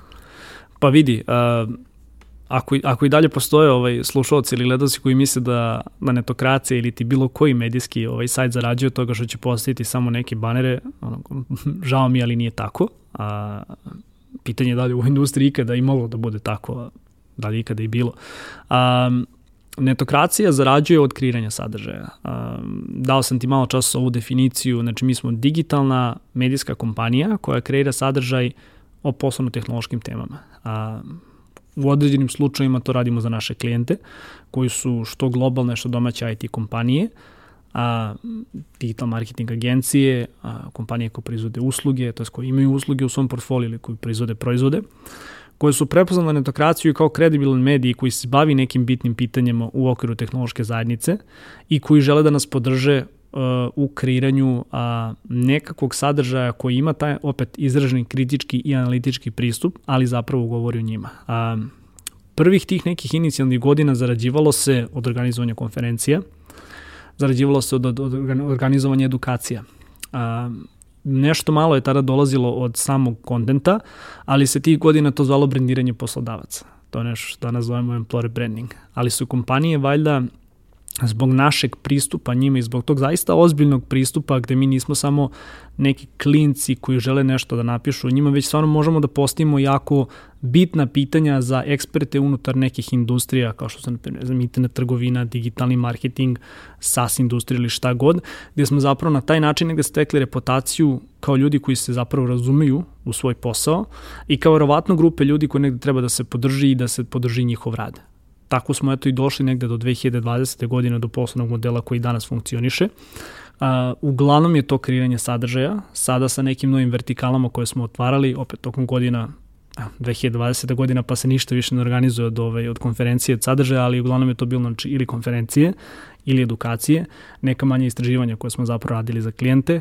consulting isto jako bitan, a, u poslednjih par godina veoma da kažem izražen kao, kao usluga. Uh, employer branding takođe koji opet negde potpada pod um, kreiranje sadržaja, ali u sebi, da kažem, ima i tu neku ovaj, konsultantsku komponentu i ti kao jedan medij danas realno moraš da vidiš koje su usluge koje možeš da prodaš klijentima. Naravno, ne treba samo prodavati sadržaj po principu hajde da vi nama date neke parice, a mi ćemo da napišemo o tome kako ste vi dobri, nego hajde da zajedno osmislimo neki model da vi zapravo možete da vidite konkretne benefite od pojavljivanja u takvom jednom sadržaju i da istaknemo neke poruke koje ono, smatrate da su bitne za vašu firmu, jer ako govorimo na primjer o employee brandingu, ti danas nemaš medije koji pokrivaju to tržište niko ne piše o IT kompanijama, nigde ti ne možeš da vidiš vrednost tih kompanija, jer uglavnom i na samim njihovim sajtovima je to nekakva korporativna priča, ali ne zalazi se, ne zalazi se dublje u suštinu nekih vrednosti ili u poslovnu suštinu. I onda je super kada imaš zapravo jedan medij koji je ovako dosta dobro rangiran i koji negde ima reputaciju unutar zajednice kao medij koji stvarno uvek govori onako kako jeste. Biramo klijente sa kojima danas radimo, a, i pristupamo kreiranju sadržaja na taj način da ispričamo i neke njihove priče iz naravno poslovnog Google-a, ali da predstavimo neke ljude koji zaista vode tu kompaniju i koji će eto, danas sutra biti ili kolege ili, ili ovaj nadređeni nekim ljudima koji će se možda prijaviti za oglas a, za posao. Ali to je opet da kažem samo jedan deo priče jer je zaista zaista široko ovaj, i pool klijenata i pool tih nekih usluga. Danas kada kažemo employer branding, to već ima određenu kažemo, povratnu reakciju. Ok, ne u svim industrijama, ali u, u, u našoj industriji, u primarno IT i marketingu, ljudi imaju svest o tome. Kompanije koje nisu imale svest o tome, najčešće nisu ni mogle da privuku talent koji im treba. A, međutim, vi ste to krenuli da radite mnogo pre toga, što suštinski znači da a, morate da edukujete klijente, a da bi mogli da edukujete nekog, prvo morate da mu pokažete da vi znate šta radite da bi on trebao da vas posluša, što u principu generalno u marketingu nije baš tako jednostavno i vrlo često predstavlja ozbiljan problem gde u nekom trenutku ti kažeš ok, kad radiš za klijenta, kada to izlazi kroz njegove kanale, u nekom trenutku kažeš, e, ja sam vam rekao kako mislim da treba, ili vi hoćete ovako, nema nikakvih problema, ja ću to da vam napravim i da vam dam, to je vaša stvar, samo nema nigde me potpišete i, i sve. Okay. Ali ovde to nije tako. Ovde ti to ne možeš da uradiš, zato što ti ako tako nešto uradiš, ti si pljunuo po svojom onome što, što si pokušavao da izgradiš do tog trenutka. A, volao bih negde zato što u industriju u, u, u kojoj ste vi, sada postoji svest, ali tu svest je trebalo izgraditi. U mnogim drugim industrijama i dalje ne postoji svest. I dalje ljudi ne razumeju šta zapravo znači content marketing, marketing sadržajem i šta znači praviti sadržaj koji je okrenut ka korisniku, a ne ka vašim interesima, gde interesi firme dolaze kao posledica toga svega. Mislim, da. vrlo često, a i sam znaš, koliko sam i ja prethodnih godina bio u sadržaju i cela ta priča sa projektom moje firma koju su svi obožavali i mislim i meni je omiljeni na kome sam radio, ovaj, kao, to je anomalija, to je danas anomalija. To je anomalija zato što su neki ljudi imali svest da bi možda trebalo da puste eksperiment koji se radi jer to ne košta mnogo, a možda bude nešto dobro od toga, onda su videli neke benefite i branili te benefite pred da kažemo, ostalim ljudima u, u korporaciji. Pa opet, bez obzira na to koliko je bio uspešan, taj projekat nije opstao kroz celu no. tu da. priču. I gotovo ni jedan takav projekat, kada se radi ciljano za nekog dugoročno, teško da može da opstane, teško da, da ne ode u to nešto da se uh, ukalja time da ispod teksta stoji veliki kreditni kalkulator, jer mi sad moramo da prodamo više kredita. Pa da, a, pazi, zaista kao od, od, od znači 2015 smo krenuli, već 2016 razdanili smo malo onako krenuli da probiramo kao ko, je, ko su klijenti zapravo sa kojima radimo. Danas u Srbiji ok, mi pre svega nismo toliko baš malo i beznačajno tržište. Ako nas porediš sa zapadom, da, vidit ćeš mnoge rupe i propuste, ali ima tu nekakav novac koji ti možeš da, da generišeš od toga što zapravo vodiš mediji koji se bavi jednom jako aktuelnom pričom i tematikom, kao ne treba zaboraviti da je IT verovatno jedna od naj, trenutno najvrednijih industrija u Srbiji i logično je da će negde prosto prosperitet koji doživljavaju naše kompanije biti isprećeni sa strane medija koji prati tu industriju. To dakle ne treba zaboraviti. A, mi smo možda i najsletniji, svetliji primer medija koji uspeva da opstaje u Srbiji, ali pitanje je da li bismo uspeli da se bavimo, ne znam, vinogradarstvom, koje ne doživljava sad nekaj, ne znam, eksponencijalni boom u izvozu, a, kao, što, kao što IT usluge doživljavaju. A, Mada svaki dobar IT je sada već ima vinariju, ali dobro, to je sad druga Ili kafeteriju. da. A, pazi, u, u početku smo kao do klineta dolazili na razno razne načine. Um, bilo je tu naravno malo i hakovanje sistema, znaš kao, vidiš klijenta koji ima potencijalno neku cool uslugu koju ono, prepoznaš da bi kao mogao, mogao jednog dana da ono oglašava na netokraciji ili set nekih usluga, ali ti je priča zanimljiva i kao, ok, ono, da li oni meni novac sad ili ne, hajde da probam da izgravim nekakav odnos sa tom osobom koja sedi u toj, toj kompaniji ili sa tim timom. I onda kao, hej, čao ljudi, ono, mi smo ekipa iz netokracije, uvek je to u početku bilo ko smo i šta smo, pošto kao moraš ljudima da objasniš jer ono, niko nije čuo za tebe a, ono, videli, videli smo na društvenim mrežama, znači opet ta neka proaktivnost naša, videli smo na društvenim mrežama ili na sajtu da ste lansirali novi proizvod, nama je to cool zašto se bavimo novim tehnologijama, da li biste bili zainteresovani da sa osobom koja vodi ovu priču u vašoj kompaniji uredimo ono kao priču. I u većini slučajeva smo ovako nailazili na poprično ok reakcije. Sad, zašto smo na takvom tržištu, ti kad uradiš zapravo ono potpuno ok priču, znači kao ništa wow, ali kada napraviš jedan ono konkretan sadržaj gde se malo iscimaš i postiš neka pitanja, da i ta druga strana zapravo vidi da si se ti onako zainteresovan za to što oni rade i da to nije samo ono kao set nekakvih uniformisanih pitanja koje šalješ svakoj kompaniji sa kojom radiš intervju, onda i ti ljudi malo onako više krenu da te prate. Pa znaš, onda dođe posle par meseci ili godinu dana, e, ajde da vidimo šta možemo da radimo. Imamo nekakav budžet, volili bismo to da potrošimo. To je sve izgradnja odnosa. Kažem, ja radim ovaj posao već 8 godina.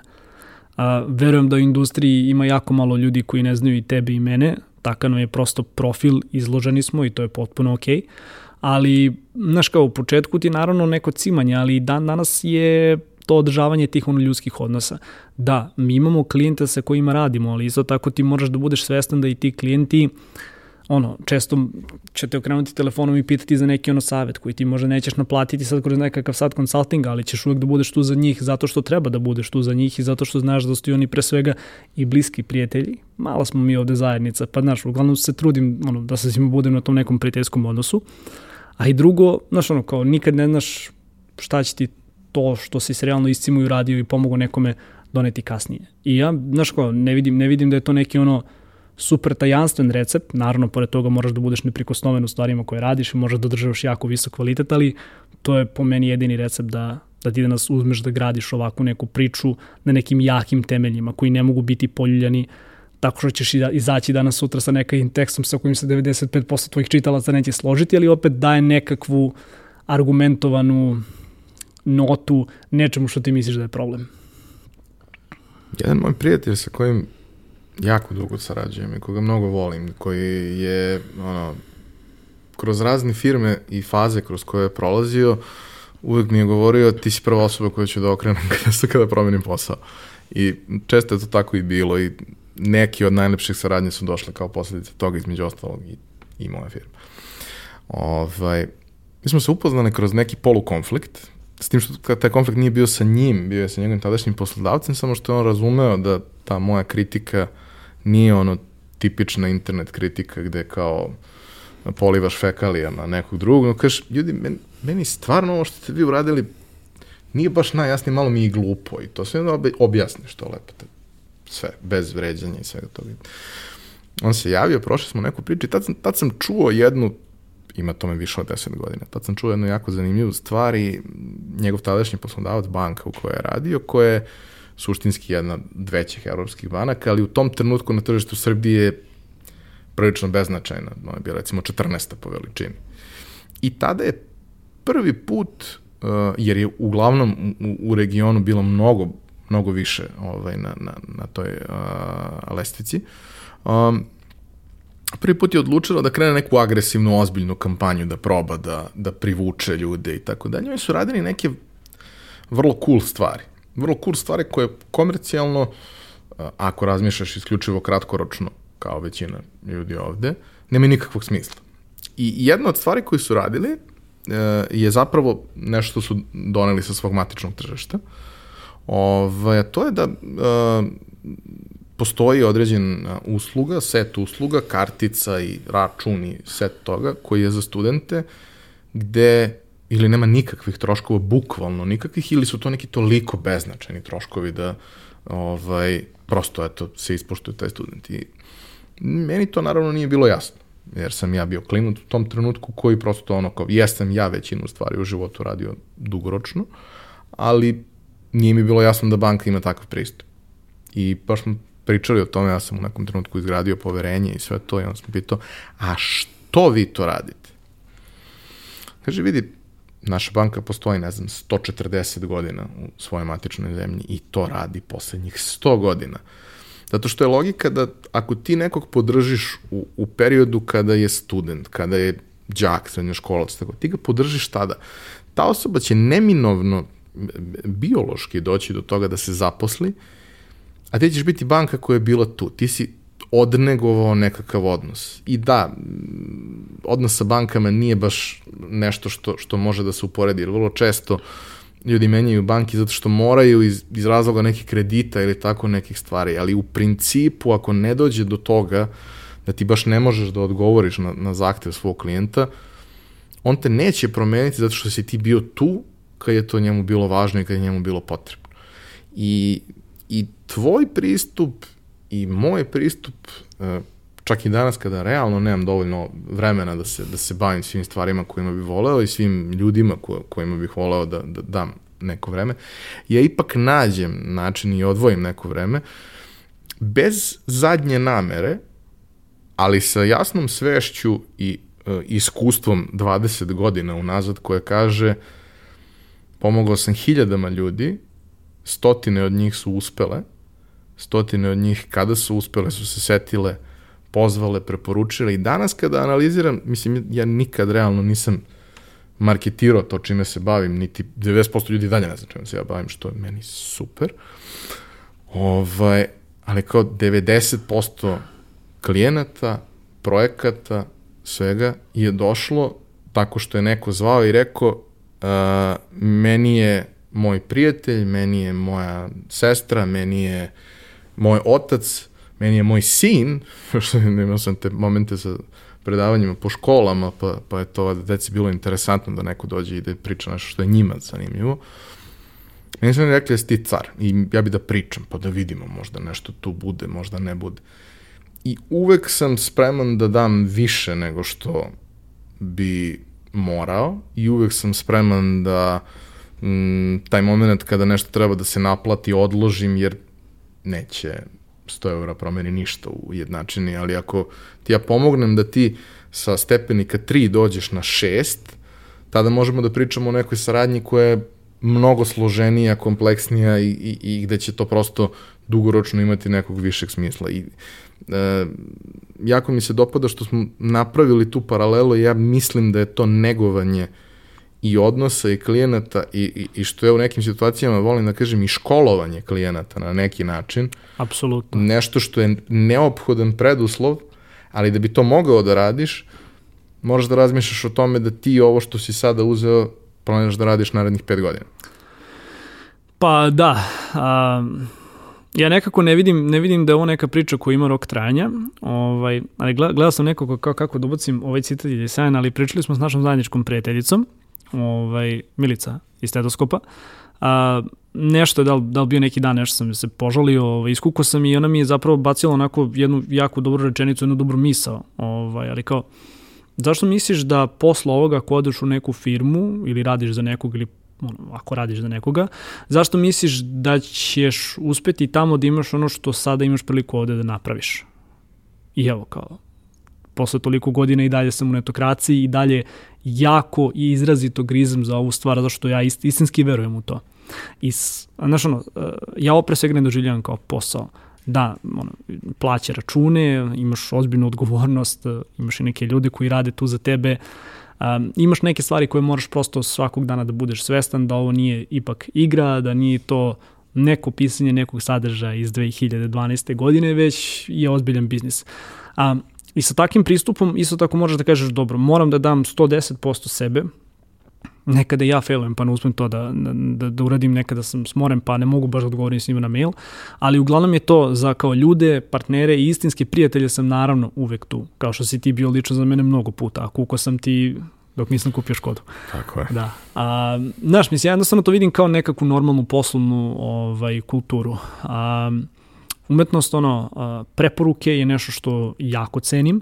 A, na primjer, za netokraciju, znaš, ono, jedan deo klijenata je dolazi na preporuku, drugi deo je dolazio zato što smo uspeli, da kažem, tu neku prvu generaciju digitalaca, ono, odrasli su uz netokraciju. I to je jako bitno kada neko ko, na primjer, do pre par godina bio community manager, dajem jako blesav i banalan primjer, pa je možda došao na neku seniorsku poziciju, pa je postao head nečega, pa sada kontroliše nekakve budžete, i želi zapravo pored tih nekih silnih banera, silnih oglašavanja na billboardima ili šta god i da podrži neke cool stvari.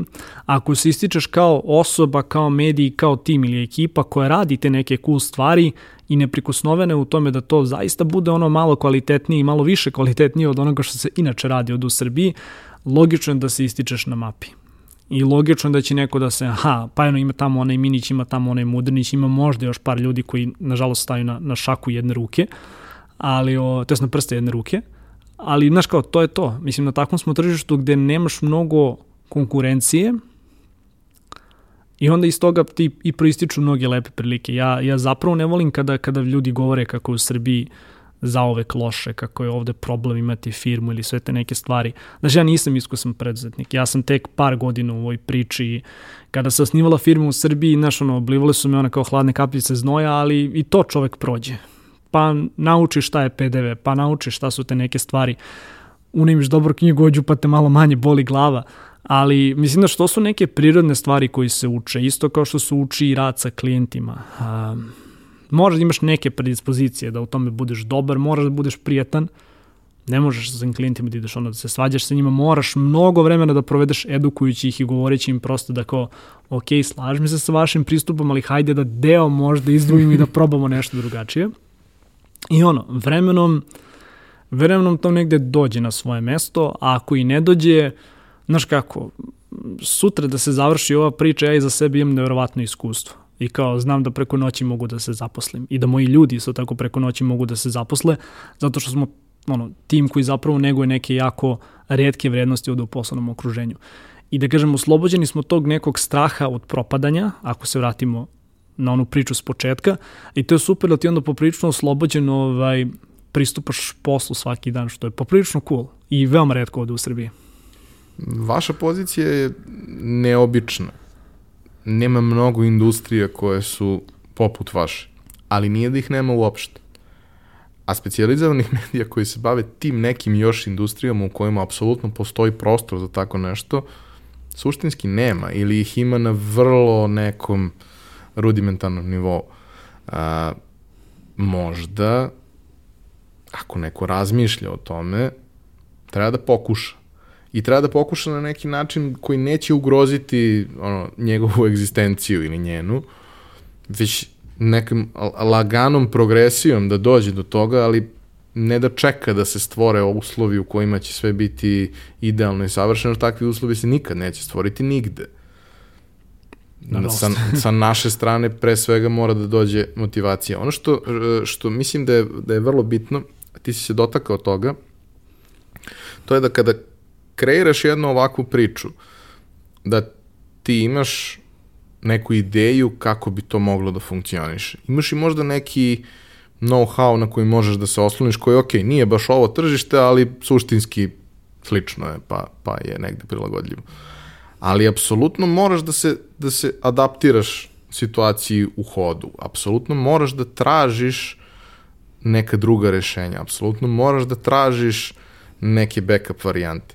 Došli smo do toga da zahvaljujući ovaj, nažalost činjenici da imamo koronu već koliko, 9 meseci, 8 meseci, ovaj, čak i ono firme koje su bile fantastično stabilne i sjajne u onome što rade, ukoliko se nisu preorijentisale i našle način, jednostavno su se vremenom iscrpele i ne mogu više da, da opstanu. Mislim, pazi, uzmi, uzmi za primjer samo event industriju, jer kažem, netokracija je mnogo stvari, pa između ostalog smo radili i konferencije. A, nije tajna da su konferencije nešto što si naravno radio zbog uticaja, kao želao si da okupiš ljude u nekakvom ovaj prostoru, da, da se diskutuje oko, diskutuje oko nekih tema, ali su one naravno, i veliki izvor financija, jer su to veliki projekti koje ti radiš nekoliko meseci u napredi koji uglavnom ti onako pojedu i džigericu i energiju. A, I Ali ti smo... i ostane nekakav buffer koji onda može da pegla period koji dolazi, koji nije uvek Tako izvestan je. i predvidljiv. Tako je. Uh, ja se sjećam, mislim, u martu kada je kao krenula ova čitava priča, mm, ne znam čak ni da li sam pričao sa, sa tom o tom projektu, ali mi smo imali spreman projekat koji smo jako dugo pripremali, koji je trebao zapravo da se bavi employer brandingom i gde smo trebali da dovedemo kao prvog čoveka iz Google-a, ono, koji je bio njihov recruiter ono, kao prvim danima, koji je skalirao tim od tipa 100 ljudi u Irskoj na 5000, znači ozbiljna faca. Trebali smo njega da dovedemo da imaš kao gomilu nekih ono predavača, znači jedna kao klasična konferencija. I onako, po pitanju cash flow je to trebalo da bude super pozitivna stvar za nas desilo se da sam kompletan program imao spreman kao prvi put u istoriji, znači ono puštaš konferenciju, najavljuješ je koja treba da bude za mesec i po dana, cene karata, sve, znači kompletan program, sve je gotovo. I puf, dva dana posle toga korona, vanredno stanje, omega kako ćemo da preživimo, ovaj, znaš što umeo ovaj posao da bude i malo zeznut. Ovaj, nekako znaš, ono, gledaš koliki ti je mesečni burn rate, gledaš koliko ti je novca ostalo na računu, uvek se trudiš da budeš u plusu, trudiš se naravno da si iskren sa ljudima, ono, ako treba, mislim, znaš, ako slušao sam tvoje, ovaj, tvoje javljanje ispred garaže iz Hustona, I znaš kao, ljudi, ako je sada trenutak da katujemo lovu zato što ono, moramo da pregremo neki period, ti kao poslodavac ne kao urednik ili kao vođa ili šta god, ti kao poslodavac pre svega moraš jednostavno da iskomuniciraš te stvari. Hvala Bogu da neko sam sad ovde u drvu zbog, zbog ovih mikrofona, ali naš kao, nismo došli do te situacije, iako smo u startu morali veoma brzo da reagujemo. Tu pre svega moram onako javno da, da skinem kapu Ivanu iz Hrvatske, koji je ono, veoma, veoma brzo prionuo na na posao, osmislili smo neke nove modele gde smo zapravo ove naše usluge probali da standardizujemo, da bandlujemo tako da, na primjer, uz uh, par tekstova godišnje, znači da ti zapravo dobiješ paket onoga što bismo mi inače radili custom sa tobom, ali sad imaš opciju 1, 2, 3, preporučena ti je druga opcija, da li vidiš potrebe da se oglašavaš u ovom trenutku, da ne, ukoliko da, ulazimo sa tom u razgovore. I ono, krajnje fair jedan pristup, to nam je pomoglo da dobijemo dosta novih klijenata. Naravno da se da kažem negde taj ono kao content deo da je, da je prosto ono više kontenta sada radimo zbog čitave situacije, ne možeš samo da praviš sponzorisan sadržaj, moraš taj rast da ispratiš i ono ozbiljnim nekim temama koje ćeš pokrivati i kao definitivno mi je plan da širimo taj content tim, ali u tim trenucima uh, ne možeš sada da kažeš, o ne, konferencije nema, šta ćemo da radimo, znaš, iskreno ne verujem u te ono kao online konferencije, mislim da je to nešto što može u nekom manjem obimu da bude, ali kao konferencija definitivno ne. I mislim, opcije su ti onako poprilično jednostavne, ili ćeš da sediš oko kao, ne stani sad krštenih ruku, ali ili ćeš da prekrstiš ruke da kažeš ono, ne znam šta da radim, ili ćeš da probaš da napraviš nešto drugo od toga. Nešto drugo što smo mi probali da napravimo ove godine se zapravo pokazalo kao jako dobra poslovna odluka. Um, opet, čitav intenzitet rada je takav da ti više radiš u 2020. godini i da svi, svi, ono, svi do jednog u timu smo, da kažem, negde malo i umorni, jer ova godina traje jako dugo, a, bilo je tu mnogo izazova, znači mi smo potpuno, ono, ajde kao prvo što smo radili od kuće, tim smo koji funkcioniše ok, ali nismo baš toliko dugo radili od kuće, pa i tu bilo mnogo izazova koje su morali da, ovaj, da, da nekako ono, izmapiramo, da probamo da ih rešimo. Super je što kada dođeš u situaciju da ono, opet moraš da izađeš iz te neke komfort zone, a vraćam se na onu priču s početka, ti zapravo onda imaš ono kao tu fantastičnu ovaj energiju, neko kao da potpali vatru ovaj, nad, nad, nad tvojim zadnjicom, da jednostavno moraš da proizvedeš neko fantastično rešenje. Tako da smo, ono, rešenja s kojima smo mi izašli za bolje vođenje tima, za vođenje redakcije, te neke tablice, nekakve preglede, sve to je danas rezultat eto te korone koja apsolutno nije stvar ovaj, koja je ono ni bezazlena, ni, ni, ni, one, ni stvar za, za, za nemarivanje, ali je nama pomogla da budemo još bolji u poslu koji danas radimo. I naš, mislim, ja iskreno lično gledam pozitivnu stranu toga. Dobro, nije uvek to lako, ali kada imaš situaciju koja je zahtevna, ako uspeš da se izdigneš iznad nje i da napraviš rezultat koji želiš, to jeste da pokušaš da izvučeš iz svake situacije ono najbolje što možeš za sebe. I da na kraju dana budeš zadovoljan sa tim. Jer, znaš, možeš ti da težiš perfekcionizmu u mnogim stvarima, ali nekada i dovoljno dobro, sasvim dovoljno dobro. Pošto si pomenuo to i mislim da nam je to uh, stvar sa kojom treba da završimo ovaj razgovor, um, pošto si pomenuo to da u narednom periodu planirate da širite tim, uh, u kom smislu biste volili da proširite tim, a možeš to da odgovoriš tako što bi odgovorio na pitanje a šta bi ti sad poručio jednom novom malom Marku Mudriniću koji bi se sada tebi javio onako kao što se ti javio Ivan.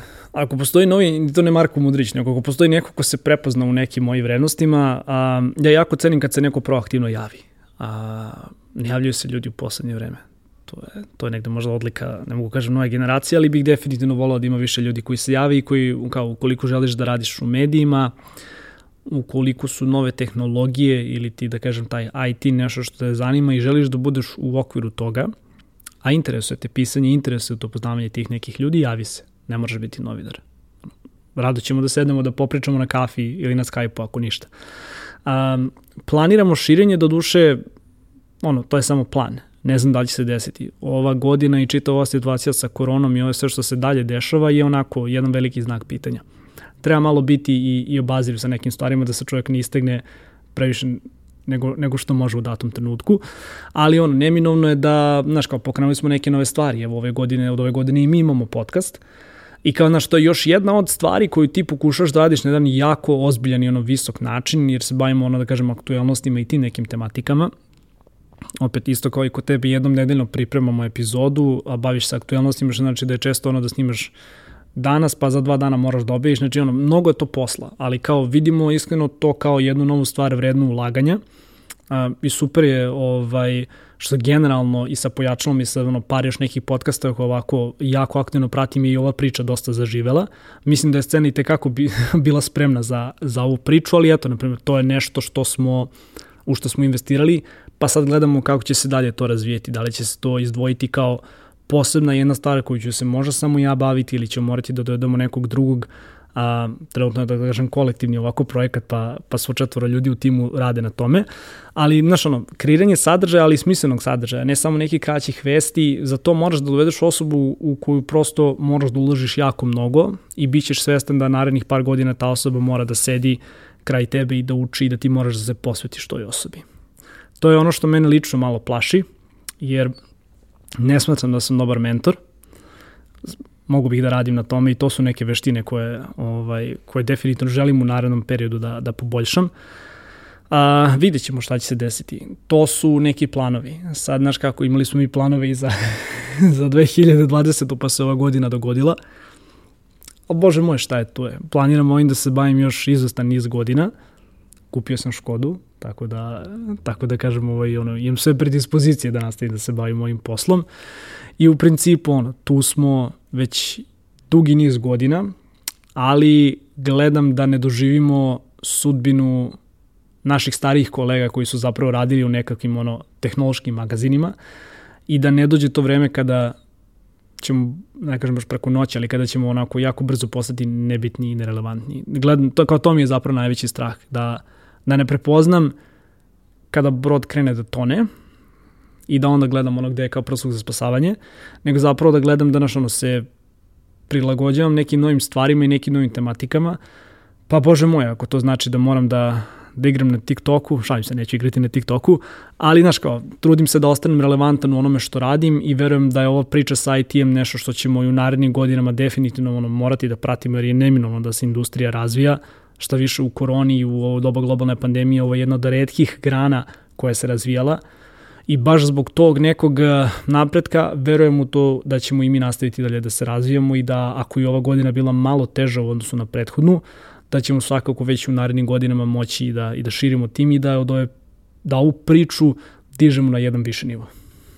Ja bih samo volao da kažem, eto kao neko ko je ovaj, u, u sličnim pričama i vrlo često je ovaj, bio u potrazi za raznim vrstama saradnika koji mogu da kreiraju sadržaje, a gde je najčešće preduslov da krenemo u neku saradnju bio to da postoji volja, želja, posvećenost, a ne nužno neko pretarano iskustvo i ne znam kakva istorija pisanja i čega god.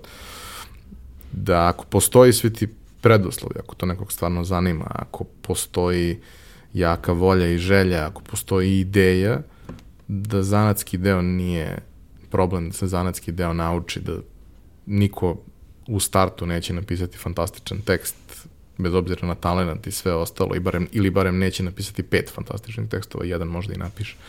Ovaj, ali da to ne treba da bude strah i to ne treba da bude nekakva velika barijera koja, koja sprečava ljude da se jave. Taj deo će naučiti. Samo je bitno da zaista žele da se u tom smislu ostvare i da mogu da ti se jave i da ćete onda videti da li postoji modalitet po kome možete da sarađujete, ali da svakako ako Naravno. neko ima potrebu da nešto kaže, a da je to u skladu sa onim što radite, da će se naći prostora i da će se naći dovoljno podrške sa vaše strane da se to uobliči i dovede u, u nekakav format koji može da se prezentuje i da to može da bude neki novi uh, prvi tekst koji se neće objaviti direktno, nego će ga neko da, pregledati. Da, pa dobro, ne, znaš kao, ono, želim, želim, želim takvu inicijativu od ljudi, ovaj, ali šalo na stranu, znaš kao, ja, ja ono, jako, ono, jako sam uzbuđen zašto će doći, ovaj, mislim, evo, sa, sa dve osobe koje rade u mom timu, taj moment je već došao i jako sam ponosan na njih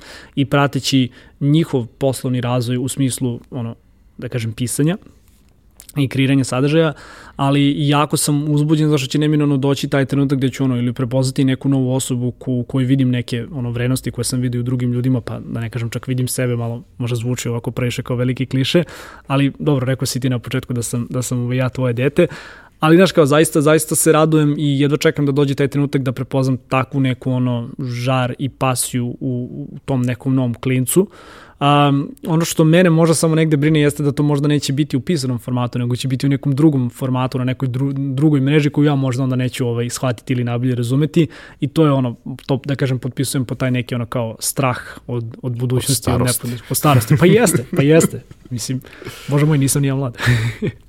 Vidim, mnogo puta su se pojavljivali trendovi gde kao, ja to jednostavno ne razumem, ali klinac, sin mog drugara koji je 2000. godište, sve to meni lepo objasni dobro, ok, možda je to ta barijera tih 15 godina razlike.